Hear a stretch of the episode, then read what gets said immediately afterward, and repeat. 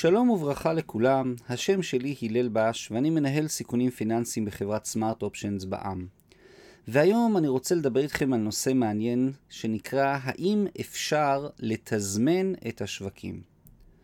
האם משקיעים צריכים לפחד מלהשקיע קרוב כל כך לשים בשוק ההון? בהחלט. אז מה עושים כששוק ההון נמצא בשיאים של כל הזמנים וממשיך לעלות? האם עדיף להמתין בצד ולחכות לנפילות הבאות? מה אומרים המספרים? בחודשים האחרונים מחירי המניות בשוק ההון האמריקאי שוברים שיאים חדשים חדשות לבקרים. נכון, השוק מפעם לפעם מפתיע ונסוג לאחור, אבל המגמה הכללית היא עלייה מתמשכת ודי מואצת. בנסיבות אלו, באופן טבעי, משקיעים רבים מפתחים פחד גבהים וחוששים מאוד מהבאות. החששות רק מתגברים כשמכניסים לקלחת את מכפילי הרווח וההון הגבוהים, הרבה מעל הממוצעים ההיסטוריים, את היחלשות הדולר, הדפסת הכסף המסיבית של הבנק המרכזי האמריקאי הפד, החששות האינפלציוניים, הזמניים או הקבועים, התפרצות מחודשת של נגיף הקורונה, וריאנט הדלתא, המאבקים הגיאופוליטיים בין סין לבין ארצות הברית וכולי וכולי וכולי. השוק השברי האמריקאי מפחיד מאוד את המשקיעים. ומצד שני, ארצות הברית הינה שוק ההון הגדול והמפותח ביותר בעולם, ומהווה אבן שואבת להשקעות רבות מכל העולם. השקעה אמריקאית נתמכת במגוון סיבות טובות, אך בראש הרשימה ראוי למנות את החדשנות הטכנולוגית והרפואית של ארצות הברית. טובי המוחות מכל העולם מגיעים לאמריקה על מנת ללמוד באוניברסיט... באוניברסיטאות המצוינות, ולאחר מכן במכוני המחקר הטובים ביותר בעולם. חברות הטכנולוגיה החדשניות ביותר וחברות התרופות הגדולות בעולם מרוכזות בארצות הברית. הן נהנות ממאגר המוחות הגדול והמוצלח ביותר שהאנושות אי פעם ריכזה. ואיך כל זה משפיע על הכלכלה, על המניות, הפיתוחים הטכנולוגיים המתקדמים מאפשרים לחברות אמריקאיות לשפר באופן ממשי את פריון העבודה, את החיסכון בעלויות ואת איכות החיים. תאגידים אמריקאים מהווים דוגמה ומופת לשיפורים מתמידים בניהול, בארגון, בייעול וביצירת ערך מוסף מרשים. נכון, יש כאן הכללה גסה מאוד, אבל בהסתכלות כוללת מקרו-כלכלית, ארצות הברית מובילה כבר הרבה שנים את העולם בתחומים אלו. אז מצד אחד, המשקיעים מבינים שההשקעה האמריקאית היא בהחלט רצויה לטווח האסטרטגי. ומאידך גיסא, יש להם פחד גבהים ממשי וחששות אמיתיים. אני אפתיע את רוב הקוראים ואומר כי כנראה אין ברירה וצריך להמשיך ולהשקיע בשוק ההון האמריקאי. נכון, ייתכנו ירידות שערים ואפילו חדות, כך דרכו של עולם ושוק ההון. הקריסה המשמעותית תגיע בשלב כלשהו, השאלה היא רק מתי. ועדיין ההמלצה המקצועית היא דווקא להמשיך ולהיכנס לשוק. לרוב המשקיעים המושג קריסה משמעותית יוצרת תגובה של צמרמורת קרירה ופחדים אמיתיים. אף אחד לא נהנה לראות את תיק ההשקעות שלו יורד בצורה משמעותית. בירידות שערים חדות, התגובה הפבלובית, האוטומטית, של רוב המשקיעים היא להיכנס לפאניקה לא רציונלית ולמכור הכל ובמהירות, מה שרק מגביר את קצב הירידות. אבל מחקרים רבים מגלים כי מי שמצליחים להתמיד בהשקעה ולא בורחים להרים וקונים קופסאות שימורים, מצליחים בטווח הארוך להשיג תשואה נאה על השקעתם.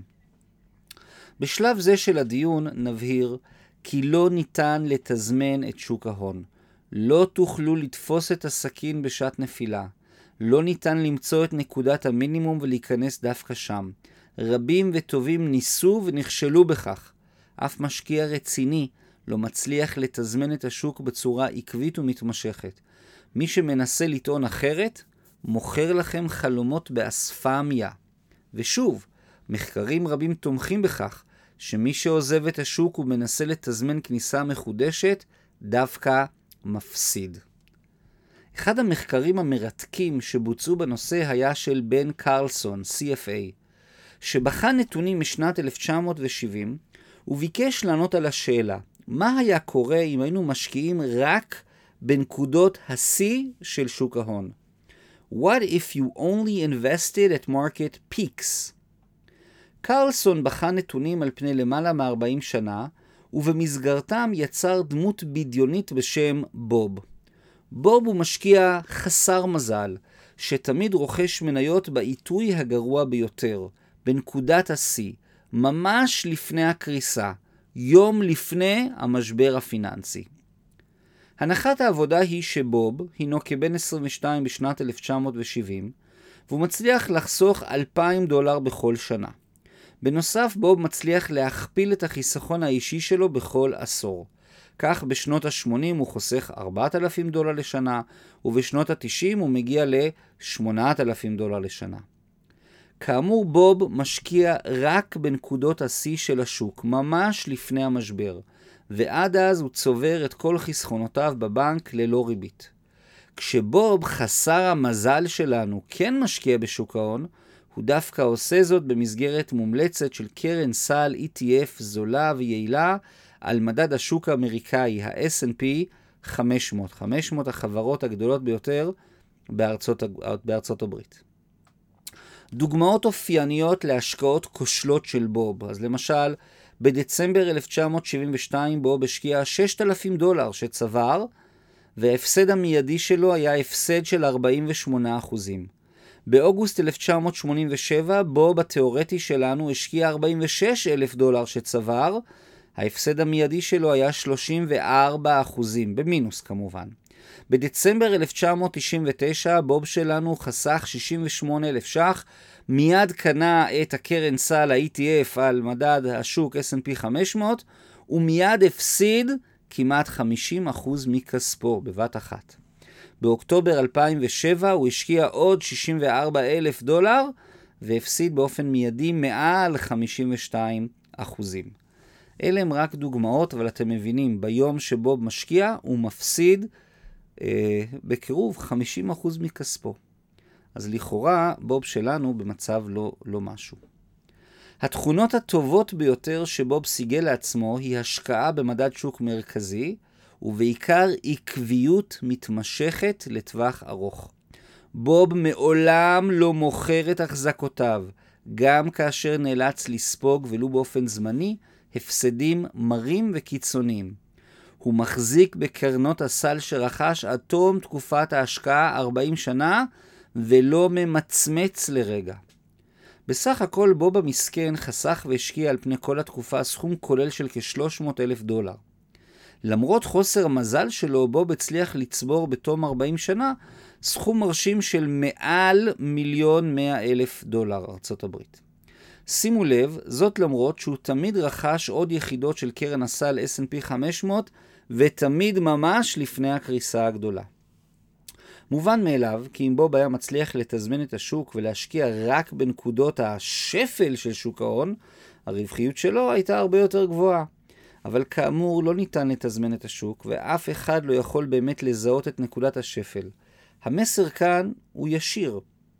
השקעה רק בשיא של שוק ההון אינה מפחידה כל כך. בוב הצליח ליצור תשואה חיובית לא רעה. כעת נתמקד בצד השני של המשוואה. מה קרה למי שהמתין בצד וחיכה להזדמנות השקעה, לעליות שאחרי הירידות? נניח לרגע שאתם דווקא כן מנסים לתזמן את השוק, למרות שזה בלתי אפשרי. אתם מבינים שזה לא מושלם, ושכנראה תפספסו כמה ימים של עליות עד שתזהו את המגמה הכללית.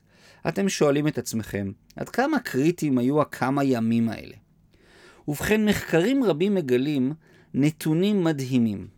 מחקר מוכר מאוד של בנק ההשקעות פידליטי בחן דמות דמיונית אחרת בשם ג'ון. ג'ון השקיע עשרת אלפים דולר במדד השוק S&P 500 בתחילת 1980 והחזיק בה עד סוף 2020, באופן רציף ועקבי. הוא צבר סכום מרשים של מעל מיליון דולר. עשרת אלפים השקעה, מיליון דולר צבירה. לא רע בכלל.